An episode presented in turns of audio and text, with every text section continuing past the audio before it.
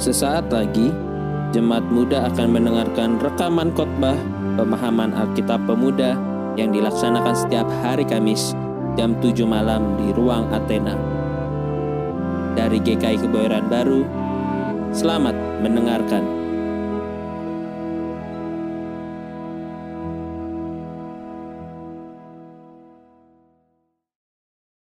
Teman-teman, mari kita satu dalam doa. Kami ingin dekat dengan hadiratmu ya Tuhan, karena kami percaya hanya bersama dengan Engkau kami mampu untuk hidup dan menjalani kehidupan ini ya Bapa. Terima kasih untuk ruang, waktu, dan kesempatan bagi kami untuk bersekutu bersama-sama. Terima kasih Tuhan, karena Engkau menyediakan bagi kami tempat ini ya Tuhan untuk kami dapat mendengarkan firman-Mu ya Bapa. Di dalam segala keterbatasan, di dalam segala suasana hati dan pikiran kami, kiranya Engkau sendiri yang boleh hadir ya Tuhan, untuk menenangkan kami, untuk membuka pikiran hati kami ya Bapak, agar sanggup untuk memahami firman-Mu ya Tuhan. Dan biarlah kami di masa muda ini, kami boleh sama-sama saling menguatkan, saling menopang di dalam penghayatan akan iman kami kepada Engkau ya Bapak. Pimpin kami dari awal hingga akhir persekutuan ini ya Tuhan. Dalam nama Tuhan Yesus kami berdoa. Amin. Teman-teman kita uh, bersama-sama membuka Alkitab kita yang terambil dari Markus 10. Markus 10 ayat 13 sampai dengan 34. Lumayan panjang. Jadi kita akan membacanya secara bergantian. Saya ayatnya yang ganjil, Rekan-rekan sekalian membaca ayat yang genap. Markus 10 ayat 13 sampai 34.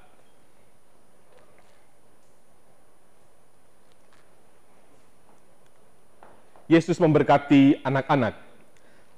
Lalu orang membawa anak-anak kecil kepada Yesus supaya ia menjamah mereka. Akan tetapi murid-muridnya memerahi orang-orang itu.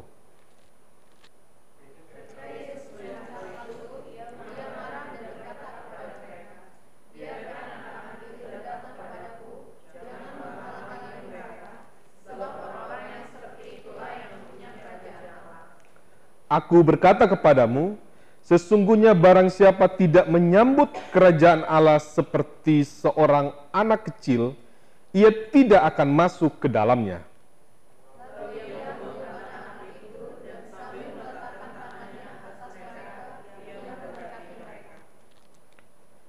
Orang kaya sukar masuk ke masuk kerajaan Allah. Pada waktu Yesus berangkat untuk meneruskan perjalanannya, Datanglah seorang berlari-lari mendapatkan dia, dan sambil bertelut di hadapannya, ia bertanya, Guru yang baik, apa yang harus kuperbuat untuk memperoleh hidup yang kekal?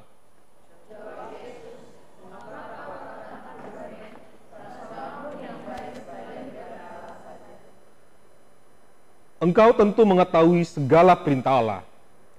Jangan membunuh, jangan bersinah, jangan mencuri, jangan mengucapkan saksi dusta, jangan mengurangi hak orang, hormatilah ayahmu dan ibumu.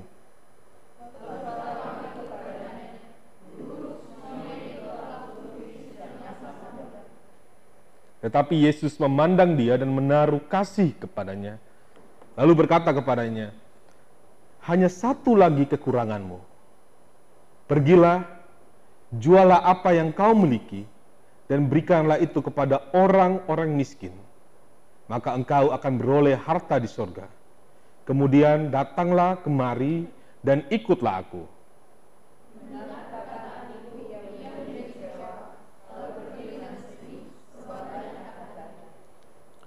Lalu Yesus memandang murid-muridnya di sekelilingnya dan berkata kepada mereka, Alangkah sukarnya orang yang beruang masuk ke dalam kerajaan Allah.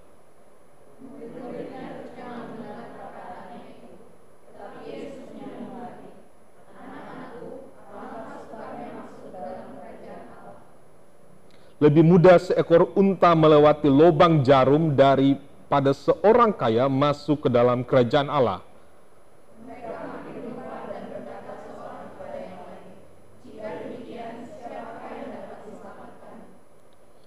Yesus memandang mereka dan berkata, "Bagi manusia hal itu tidak mungkin, tetapi bukan demikian bagi Allah, sebab segala sesuatu adalah mungkin bagi Allah."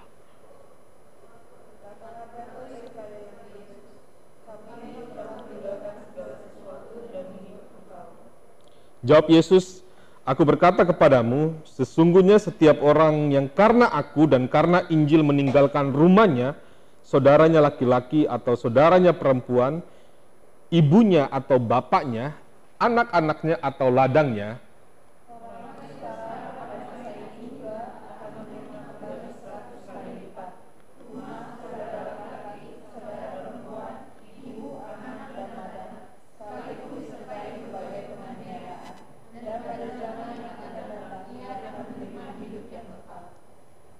Tetapi banyak orang yang terdahulu akan menjadi yang terakhir, dan yang terakhir akan menjadi yang terdahulu.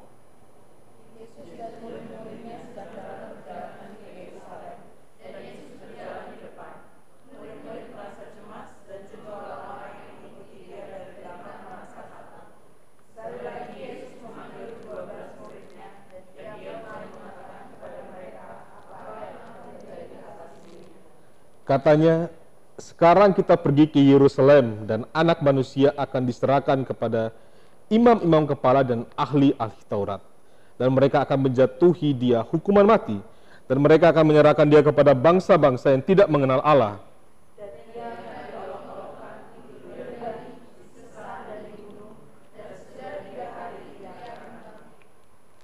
Ya, demikian pembacaan uh, firman Tuhan kepada kita semua. Teman-teman uh, menutup bulan April ini tema kita on alert uh, berjaga-jaga bersiap-siap waspada. Ada semacam sinyal yang harus datang kepada kita untuk kita semakin uh, waspada semakin siap-siap. Terhadap apa? Tentu saja terhadap uh, bisa masalah bisa ancaman bisa risiko yang ada dalam kehidupan kita Tadi uh, sharing sudah sudah sedikit digambarkan bahwa setiap kita menjalani kehidupan, setiap apa yang kita ingin tuju selalu dimensi risiko selalu hadir di dalam hidup kita. Uh, mau lulus uh, ujian, mau masuk ke dalam tes, mau masuk kuliah, ada risiko untuk gagal. Mau membuat sebuah pelayanan, ada risiko bahwa pelayanan itu tidak tidak didukung oleh banyak pihak ada sekian banyak risiko-risiko yang ada di dalam kehidupan kita. Untuk itu saya ingin mengajak uh, di minggu terakhir ini untuk kita lebih banyak teman-teman sendiri yang akan berbincang-bincang, ber, lebih kepada sharing lagi, karena mungkin kalau di tempat di depan kurang teman-teman kurang nyaman atau kurang uh, lama waktunya, maka saya ingin mengajak uh, teman-teman sekalian untuk berdiskusi, untuk sharing Pertanyaannya seperti ini. Apa harapanmu atau apa yang sedang kau jalani? Engkau ceritakan kepada temanmu dan temanmu harus memberitahukan risiko yang mungkin saja engkau terima dari apa yang kau inginkan itu. Ya. Jadi seolah-olah misalnya diskusi dengan Ata, Ata eh, gue akan menikah misalnya. Ata mungkin akan bilang hati-hati bahwa saat engkau mau menikah engkau harus pikirkan sangat mungkin engkau akan bercerai. Misalnya kayak gitu. Sangat mungkin kemudian engkau uh, uh, tidak memiliki anak. Sangat mungkin. Ada sekian banyak risiko-risiko saat engkau lulus nanti. Saya ingin cepat-cepat lulus, tapi ingat saat engkau lulus ada risiko bahwa sangat mungkin engkau belum bisa mendapatkan pekerjaan. Ya, temanmu akan memberitahukan risiko dan engkau akan memberitahukan apa harapan-harapanmu, apa keinginan yang engkau ingin didapat. Ya, dan saya ingin untuk uh, kita uh, menyebar karena supaya teman-teman di supaya uh, kita saling mengenal ya. Tidak perlu hitung satu dua tiga lagi itu satu. Kita cari sendiri teman kita yang menurut kita belum terlalu kita kenal. Ah, hitung aja. Hitung aja biar biar ini ya. Kalau gitu mulai dari Vera, tiga, tiga orang kali itu, satu, dua, tiga aja. Ya, jadi teman-teman sekali lagi ya, teman-teman diminta untuk masing-masing memberitahukan apa harapan atau apa yang sedang ia jalani Dan yang lain memberikan semacam nasihat, memberikan rambu-rambu terkait dengan konsekuensi atau risiko yang akan diterima oleh teman itu dengan harapan-harapannya. Ya, jadi mohon maaf ini bukan sok tahu, tetapi ini bagian dari apakah kemudian kita orang lain bisa melihat dari perspektif lain terkait dengan risiko-risiko kita. Karena biasanya kan kita dengan mimpi yang besar, harapan yang besar, tidak melihat dari segi yang lain. Ternyata ada risiko yang mungkin saja bisa kita terima. Nah, teman lain, teman-teman diharapkan untuk bisa saling membantu. Ya, atau ya harapan atau apa yang sedang kita jalani saat ini yang eh, teman di kelompok bisa memberitahukan risiko yang mungkin saja mungkin bisa kita uh, alami dari apa yang sedang kita jalani. Agar kita bersiap-siap, waspada, berjaga-jaga. Ya. Ya. Ya. Mereka berdua. Iya. Ya, terserah. Oh, terserah. Terserah. Bisa nasihat, bisa ya kritikan yang tentu saja membangun ya semua sudah memberikan uh, nasihat, sudah memberikan uh, pandangan terhadap risiko yang sangat mungkin diterima oleh uh, temannya. Ya, dan uh, dan kali ini kita akan sama-sama melihat dari dari segi Alkitabiah, bagaimana sesungguhnya kita berhadapan dengan risiko-risiko yang ada. Ya, yang pertama dari bacaan kita, teman-teman bisa melihat Alkitabnya atau Alkitabnya, mulai dari kisah Yesus memberkati anak-anak ini. Jelas betul ini cerita yang yang sangat uh, familiar di tengah-tengah kita orang Kristen tentang Yesus memberkati anak-anak. Ada sekelompok anak-anak yang dibawa kepada Yesus, lalu banyak orang dewasa yang menolaknya. Risiko dari setiap orang, setiap anak, dia bisa saja ditolak di dalam di dalam sebuah perkumpulan. Dan ini yang menjadi uh, kritikan buat banyak gereja tempat ibadah misalnya, anak-anak dilarang untuk ikut dalam ibadah umum misalnya, karena takut berisik, karena takut ribut dan sebagainya. Nah ini ketika banyak orang yang menolak kehadiran anak-anak itu di ruang ibadah, Yesus justru memanggil mereka dan Yesus mengatakan bahwa kalau engkau mau masuk ke dalam kerjaan Allah, belajarlah dari anak-anak ini. Penolakan anak-anak oleh orang dewasa ini rupanya disambut oleh anugerah Yesus bahwa mereka lah yang memiliki kerajaan Allah. Apa yang ingin apa pesan dari dari kisah ini yang pertama bahwa seorang anak kehidupannya kalau kita punya adik, kita punya anak, kita bisa anak itu sangat bergantung mutlak kepada orang tuanya. Ya. Seorang anak tidak tidak tidak ragu bahwa dia pasti memiliki makanan.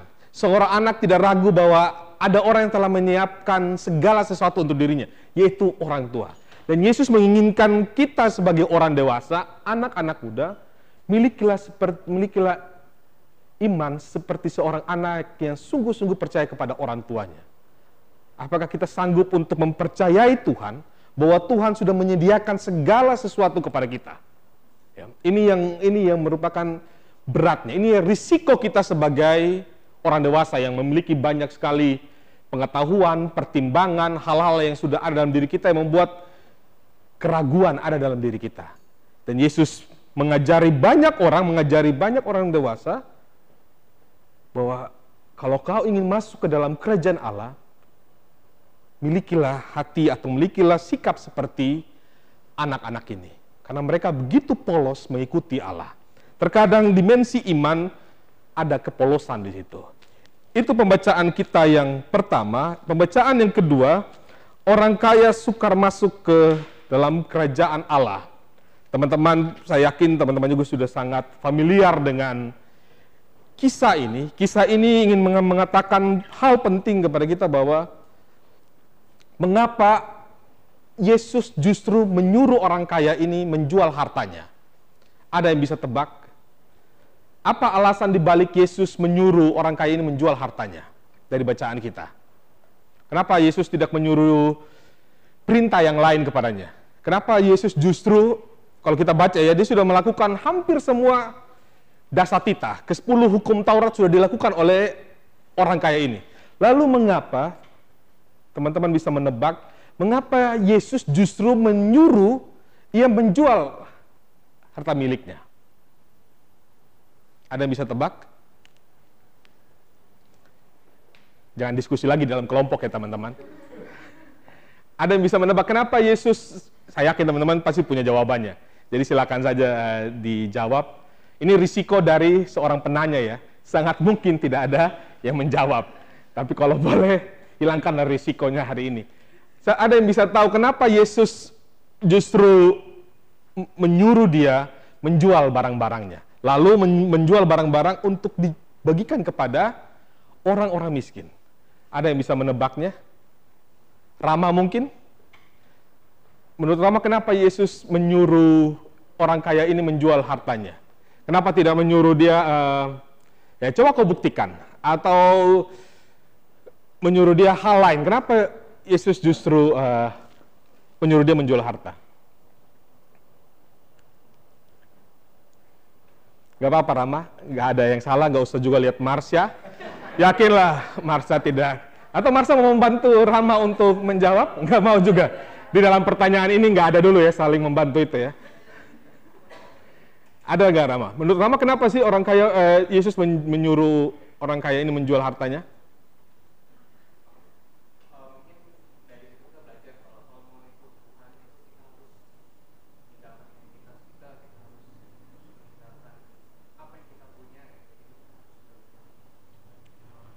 Ya betul, thanks uh, Rama. Itu pertanyaannya betul, tapi pertanyaannya belum selesai. Itu betul sekali jawabannya, betul sekali. Tetapi apa di balik identitas itu? Apa kalau tadi Rama bilang Tuhan menyuruh kita untuk melepaskan uh, harta kita, identitas kita. Tapi apa di balik itu? Mengapa mengapa orang kaya ini sulit melakukannya? Kenapa dia sulit untuk melepaskan itu? Kenapa? Ya betul jawabannya kita harus melepaskan tetapi mengapa sulit untuk melepaskan? Menurut Atta? Karena dia takut. Apa yang dia takutkan, Tak? Takut apa? Betul, takut susah. Ada lagi yang lain? Hidupnya nggak nyaman, harga dirinya jatuh, dan berbagai berbagai hal ya. Ya, uh, risiko seorang orang kaya adalah dia sangat terikat dengan materi. Ini gambar di sebelah Teman-teman bisa juga bisa tebak kira-kira apa ini? Gambar di sebelah ini. Iya, unta dan jarum. Jadi Yesus dengan dengan jelas mengatakan bahwa lebih mudah unta masuk lubang jarum daripada seorang kaya ini masuk ke dalam kerajaan Allah. Yang Yesus sasar sebenarnya kenapa ia ingin jual benar yang tadi disebutkan oleh uh, Rama dan Atta di balik orang kaya tidak berani menjual menjual hartanya karena ada dimensi kesombongan di situ, dimensi keangkuhan di situ, dan yang paling parah adalah ada ketidakpedulian di situ. Jadi di balik hartanya dia menyimpan di satu sisi kesombongan rohani bahwa dia sudah memiliki segala sesuatu, namun ada hal yang dia tidak bisa lakukan, yaitu dia melepaskan itu semua. Karena itulah harga dirinya. Pertanyaan dari orang kaya ini adalah hidup kekal. Dan hidup kekal itu hidup kekal itu berarti hidup bersama dengan Tuhan. Hidup kekal itu berarti hidup di dalam Allah. Bahasa aslinya itu adalah ioinois, yang berarti ketika engkau ingin hidup kekal, Artinya engkau harus hidup serupa dengan Allah. Itulah makna hidup kekal. Jadi hidup kekal itu tidak berarti soal engkau nanti ada di Firdaus sana, engkau ada di surga sana, atau engkau lamanya hidup di muka bumi ini. Tetapi lebih dalam daripada itu, engkau hidup seperti Allah. Dan ketika orang kaya ini bertanya kepada Yesus, bagaimana aku untuk hidup kekal? Yesus sebenarnya sedang ingin mengatakan, kalau kau ingin hidup kekal, hiduplah seperti diriku. Yang berani untuk mengosongkan diri, meninggalkan segala sesuatu, dan menjadi sama dengan manusia. Maka di sini pertanyaan untuk kita semua teman-teman, pertanyaan reflektif untuk kita semua, apa harta kita masing-masing? Harta kita tidak selalu berupa materi, tetapi apa harta kita? Harta kita bisa saja berupa pengetahuan kita. Harta kita bisa saja berupa kegantengan kita, kecantikan kita, gelar kita, ilmu kita, itu bisa menjadi harta kita. Dan ketika Tuhan meminta itu, Sesungguhnya yang dia ingin cari tahu adalah apakah engkau sanggup untuk melepaskan itu? Apakah engkau sombong dengan gelarmu, sombong dengan cantiknya wajahmu, gantengnya wajahmu, dan sebagainya. Yang Yesus lihat adalah apa di balik itu semua. Ya. Dan Yesus tahu betul apakah kita mengikutnya atau sekedar mengikuti berkat-berkatnya. Dan ini hal yang sangat sulit diterima bagi banyak orang dewasa, banyak orang muda. Di saat kita kita sedang berjuang untuk justru mengumpulkan yang banyak. Ini adalah masa-masa kita untuk mengumpulkan segala segala sesuatu. Ibarat kata kita sering katakan kita sedang menabung untuk masa depan. Itu sebuah istilah yang selalu kita gunakan dan apakah tabungan kita itu kemudian sejalan dengan jalan Kristus. Kembali yang hidup kekal adalah Aionios yang berarti seperti yang Allah jalani, seperti Allah yang Allah hidupi. Jadi kalau kita ingin hidup kekal, hiduplah seperti yang Yesus jalani dan itu tidak sanggup untuk orang kaya. Lalu masuk ke dalam perikop ketiga di situ ada Petrus, Petrus bertanya kepada Yesus, Guru, kita berbeda dengan orang kaya itu. Kalau orang kaya itu tidak sanggup menjual segala hartanya untuk mengikut engkau. Kita, kami, muridmu, sudah menjual semua. Sudah melepaskan semua. Kami tinggalkan profesi kami sebagai nelayan, kami tinggalkan kapal kami, ikan-ikan kami, untuk mengikut engkau. Lalu apa upahnya untuk kami? Mungkin saja ini juga pertanyaan untuk semua kita di sini. Apa sih sebenarnya upah mengikut Yesus? Apakah upah mengikut Yesus itu sejalan dengan apa yang kita harapkan lalu kita dapatkan? Saya pelayanan 3-4 tahun karena nanti saya akan mendapatkan berkat A. Saya berdoa sepanjang lima tahun agar nanti saya lulus. Jadi apakah upah mengikut Yesus itu selalu identik dengan apa yang kita miliki. Ya. Dan Yesus menjelaskan di sini, teman-teman, bahwa upah mengikuti Yesus itu tidak selalu berupa materi. Ini merupakan kritik keras bagi siapa pun yang memikirkan bahwa mengikuti Yesus selalu materi tujuannya.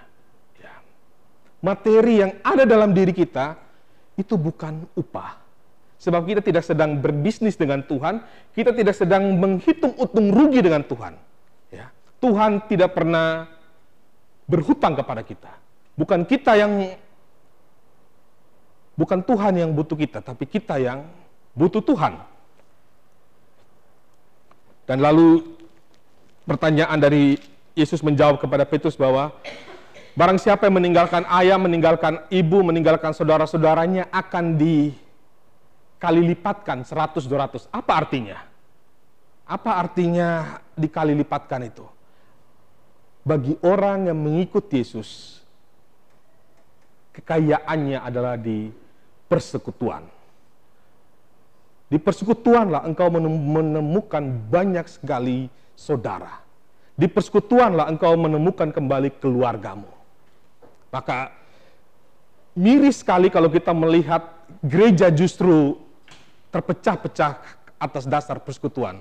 Atas persekutuan yang satu mencari berbeda dengan persekutuan yang lain. Ya. Justru persekutuan adalah cara Allah untuk membuat kita menikmati berkatnya. Ya. Jadi ini merupakan juga kritik buat kondisi gereja saat ini atau persekutuan di mana pun yang justru terpecah-pecah. Ya, padahal itu adalah berkat yang Tuhan berikan kepada kita.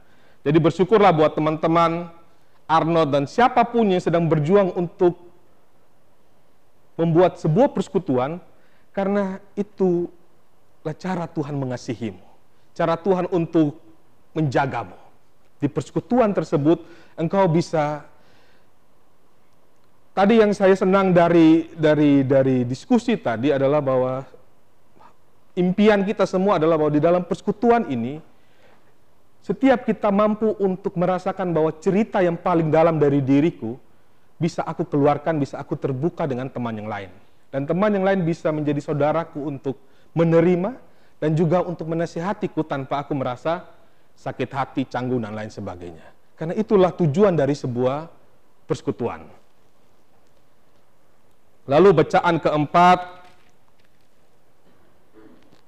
pemberitahuan ketiga tentang penderitaan Yesus. Kita baru saja merayakan Paskah, belum lama kita memaknai masa-masa prapaskah di mana kita ingat perjalanan Yesus masuk Yerusalem, Jumat Agung. Yesus akan masuk ke dalam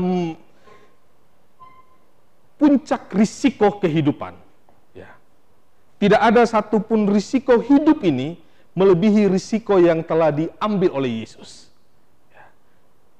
Teman-teman ingatlah bahwa salib itu adalah risiko tertinggi dalam hidup manusia. Dan salib itu diambil oleh Yesus.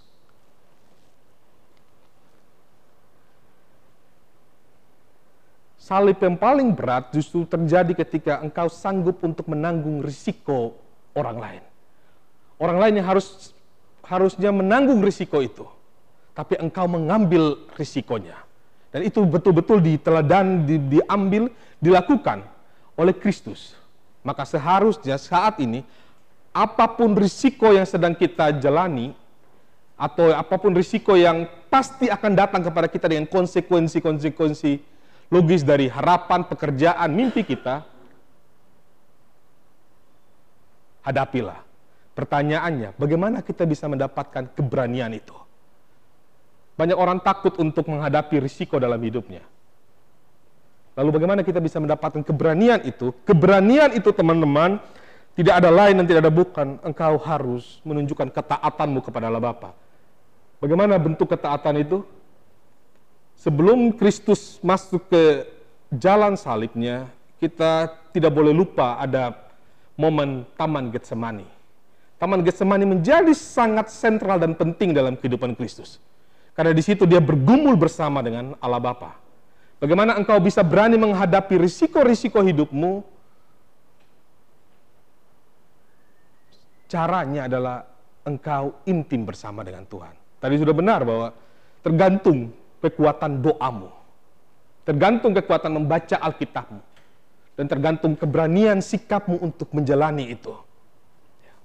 Taat di sini berarti kita sungguh-sungguh menjalani apa yang Tuhan perintahkan kepada kita. Ketika engkau sedang berantem, bermusuhan dengan seseorang, engkau mau untuk meminta maaf kepada dirinya walaupun engkau tahu bahwa pasti engkau ditolak olehnya, engkau sudah menjalani ketaatan itu. Pada akhirnya soal kita dan Tuhan.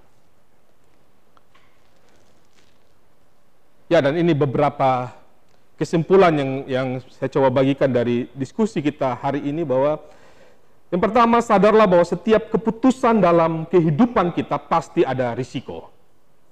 Tak ada satupun apa pun yang kau ambil pasti ada risiko. Risiko itu sesuatu hal yang sifatnya negatif yang tidak mungkin saja engkau sangka, yang pasti akan engkau terima. Hadapilah. Bagaimana engkau menghadapi itu percayalah bahwa di balik risiko atau dengan risiko itu ada anugerah Tuhan yang ada denganmu. Tergantung engkau menyikapinya seperti apa. Maka tawarannya adalah menyikapilah dengan ketaatanmu kepada Tuhan. Sebab ya Tuhan sudah menjalani sesuatu yang lebih jahat dan lebih parah daripada apa yang kita jalani ini. Dan ia menjalani itu dengan setia. Risiko orang beriman adalah memikul salib. Harapan dari PA selama bulan April ini seharusnya mengingatkan kepada kita bahwa kehidupan kita memang tidak pernah lepas dari berbagai pergumulan, persoalan. Kekuatan salah satu kita adalah pengharapan dan pengharapan itu hanya bisa kita hidupi kalau kita terus bergantung kepada sang sumber pengharapan itu. Memang ini uh, pesan-pesan yang mungkin saja gelisah sifatnya, tapi percayalah teman-teman bahwa hal-hal seperti ini kalau dijalani dengan sungguh-sungguh, dengan saat teman-teman pulang ke rumah, meluangkan waktu untuk sungguh-sungguh berdoa dan curhat kepada Tuhan, percayalah bahwa kekuatan itu sungguh dahsyat yang terjadi dalam diri kita. Ya. Karena cuma kita yang mampu merasakan bahwa risiko terhadap diriku ini begitu besar. Dan hanya Tuhan yang sanggup untuk membuat aku berani menghadapi risiko ini. Baik, ada yang ingin menanggapi dan ingin uh, memberikan pertanyaan atau membagikan apa yang ia dapatkan dari materi hari ini, dari PA kita hari ini?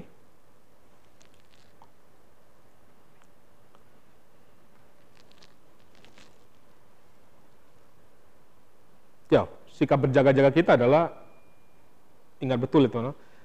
berdoa, baca Alkitab dan jalani apa pun. Ya. Jangan takut dan jangan mundur harus ada ada ya ada kepercayaan diri ya, bahwa Yesus pernah menjalani itu Yesus bersamaku dan aku sanggup menghadapi apa pun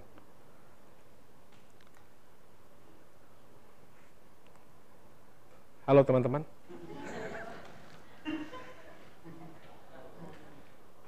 ada yang mau ini memberikan uh, ini atau masih masih mau ini dulu ya tak silahkan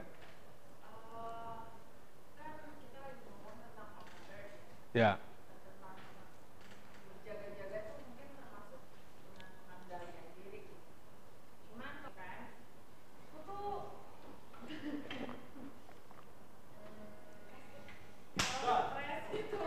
Ya. Eh tertawa lah tak?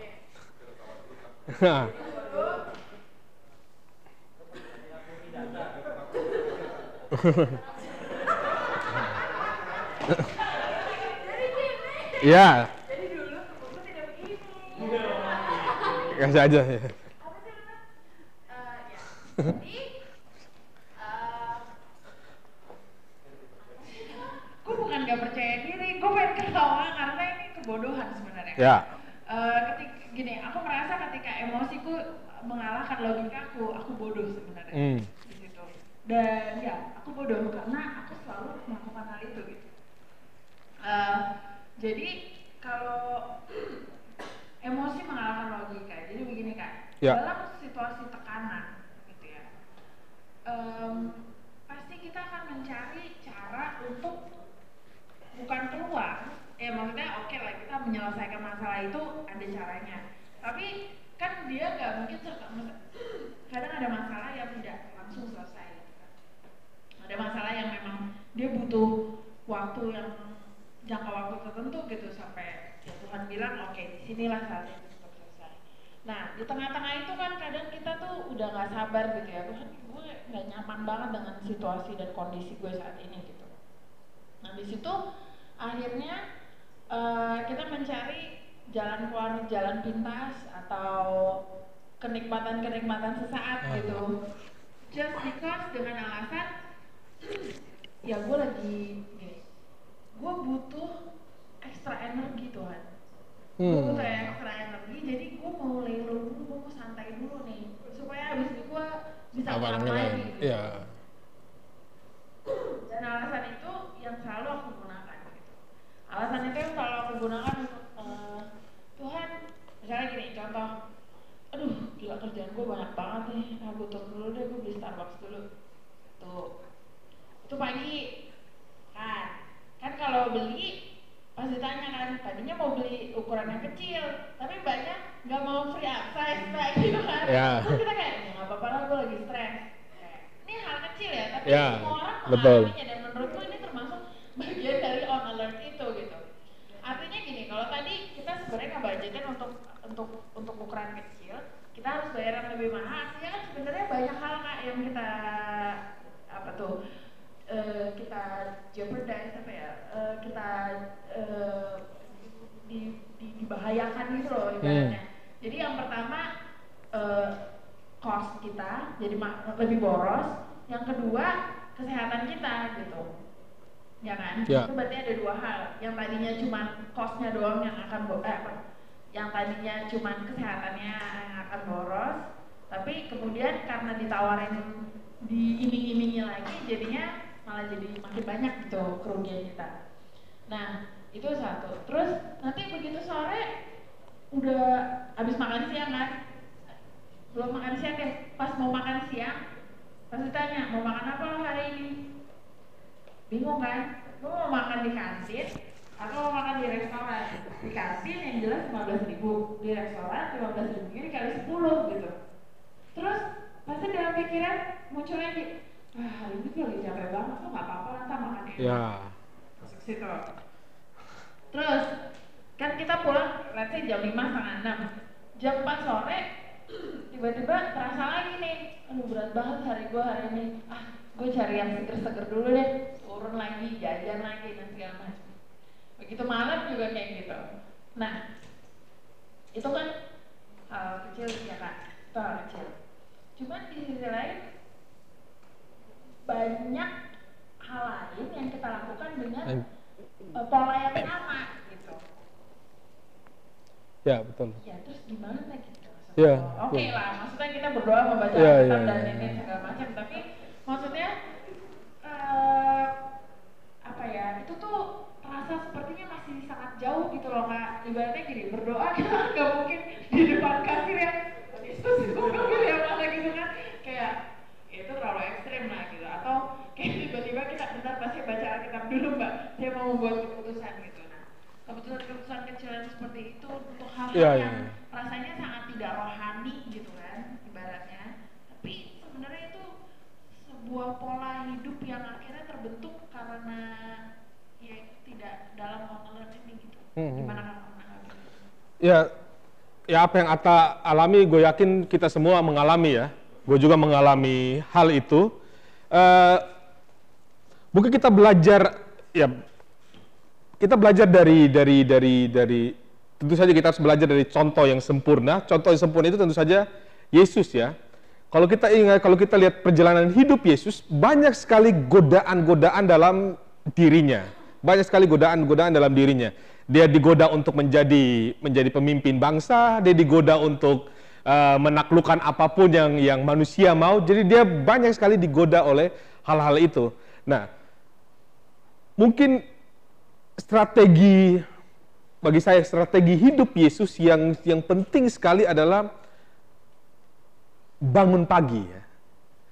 Bangun pagi. Jadi dia itu Yesus itu kan selalu uh, terjaga pada pagi-pagi benar dia mengambil dirinya, meng, meng, apa, mengasingkan dirinya untuk berdoa dan mempersiapkan segala sesuatu.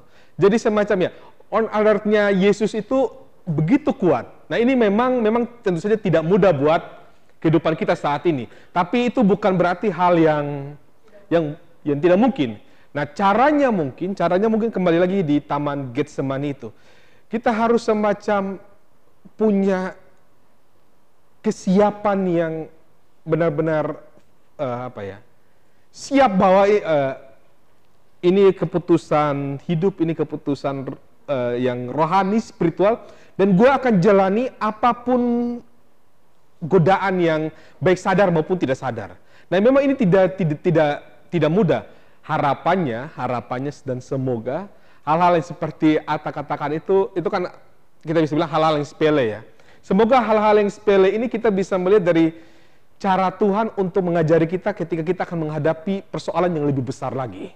Ya, godaan untuk makan, godaan untuk uh, diskon dan hal-hal lain itu itu mungkin menurut kita ini hal-hal yang sepele, tapi mungkin itu merupakan cara Tuhan untuk mengajari kita engkau kendalikan dirimu terhadap hal-hal yang yang sepele ini agar nanti ketika ada hal yang lebih besar engkau mampu untuk menghadapinya dengan dengan lebih baik ya dan Yesus Makanya pesan Yesus kepada para murid ketika dia sedang tidur di Taman Getsemani itu kan, mengapa engkau tertidur? Enggak kuat lagi kah engkau untuk berjaga-jaga?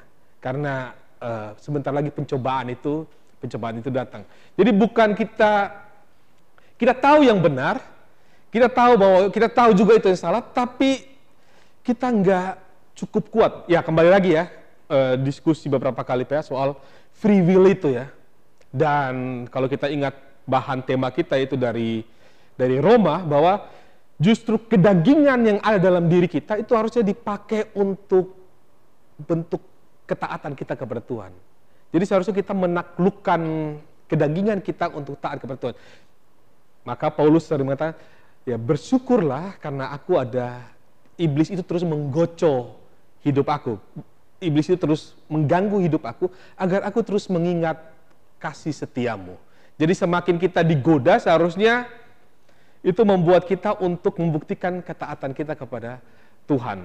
Dan tidak uh, gue tidak ingin uh, membuat seolah-olah masalah-masalah itu uh, gampang, tapi gue lebih melihat bahwa mungkin saja persoalan-persoalan kecil itu itu merupakan cara Tuhan melatih kita untuk mengendalikan diri kita.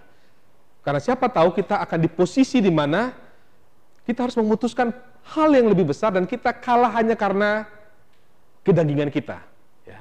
It, jadi jadi bersyukurlah kalau hari ini uh, ya apa yang atas sharing yang ya, atas tanya itu menjadi dan saya yakin kita punya problem yang sama terkait dengan banyak hal terkait dengan dengan fisik kita kedagingan kita seharusnya itu kita gunakan untuk ini alertnya kita ini hati-hati untuk kita siapa tahu kita akan di posisi yang jauh lebih besar dengan dengan apa dengan uh, tanggung jawab yang lebih besar ternyata kita tidak ternyata kita tidak, tidak sanggup untuk hal itu. Jadi mungkin menurut menurut gue itu sih tak ininya. Persis persis itu juga masalah yang gue uh, gue alami terkait dengan makanan tentu saja. Mau diet tapi, waduh. Tapi gue sangat terbantu. Eh, ini, ini ini memang ini tergantung strategi hidup masing. Gue sangat terbantu dengan uh, bangun pagi. Dengan dengan bangun pagi jauh lebih mampu untuk membuat kita menata hari daripada uh, ketika bangun sudah telat. Kayaknya kalau bangun sudah telat, ah udahlah dijalanin aja. Nanti besok ini lagi kita ulang lagi hal yang sama. Silakan. Ya. Ya. Ya. Ya, sorry. Kebalikannya ya, mungkin Kata pernah ingat Badan Aku tahun 2012 itu mungkin lima kali lipatnya Kata. Dan sesungguhnya Kata salah satu sumber inspirasi banget buat aku karena Kata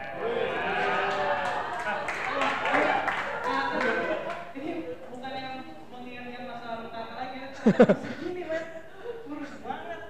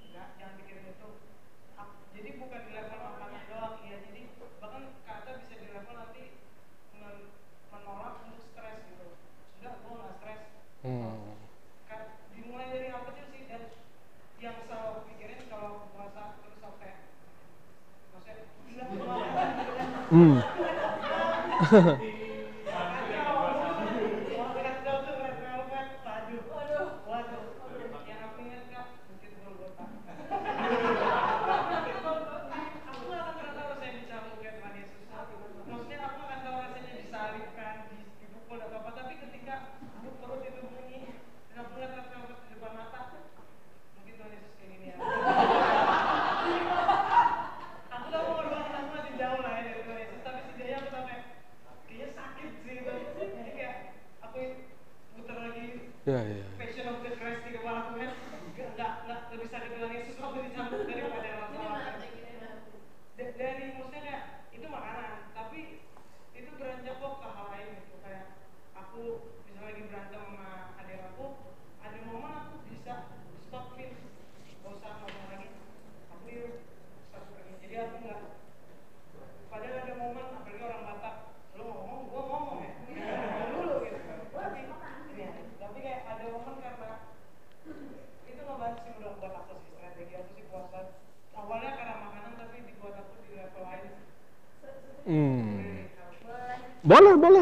Boleh. Silakan aja diskusi berdua. Terus, Cak. Iya, iya, tak. Silakan. Ya. Ya,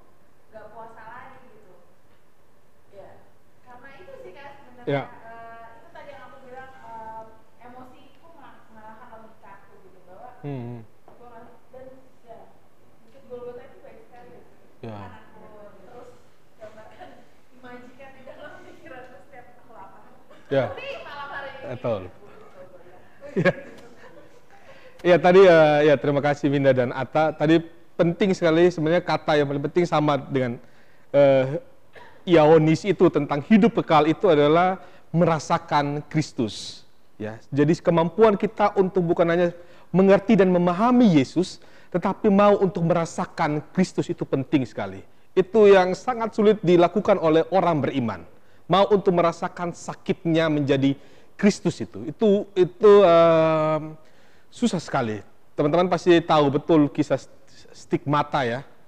Ya, jadi ada ada orang-orang yang berupaya betul untuk mencambuk dirinya untuk melukai agar dia merasakan betul Yesus itu seperti apa. Ternyata di dalam kehidupan kita pun kita memiliki banyak sekali ruang, kesempatan dan waktu untuk merasakan deritanya Yesus.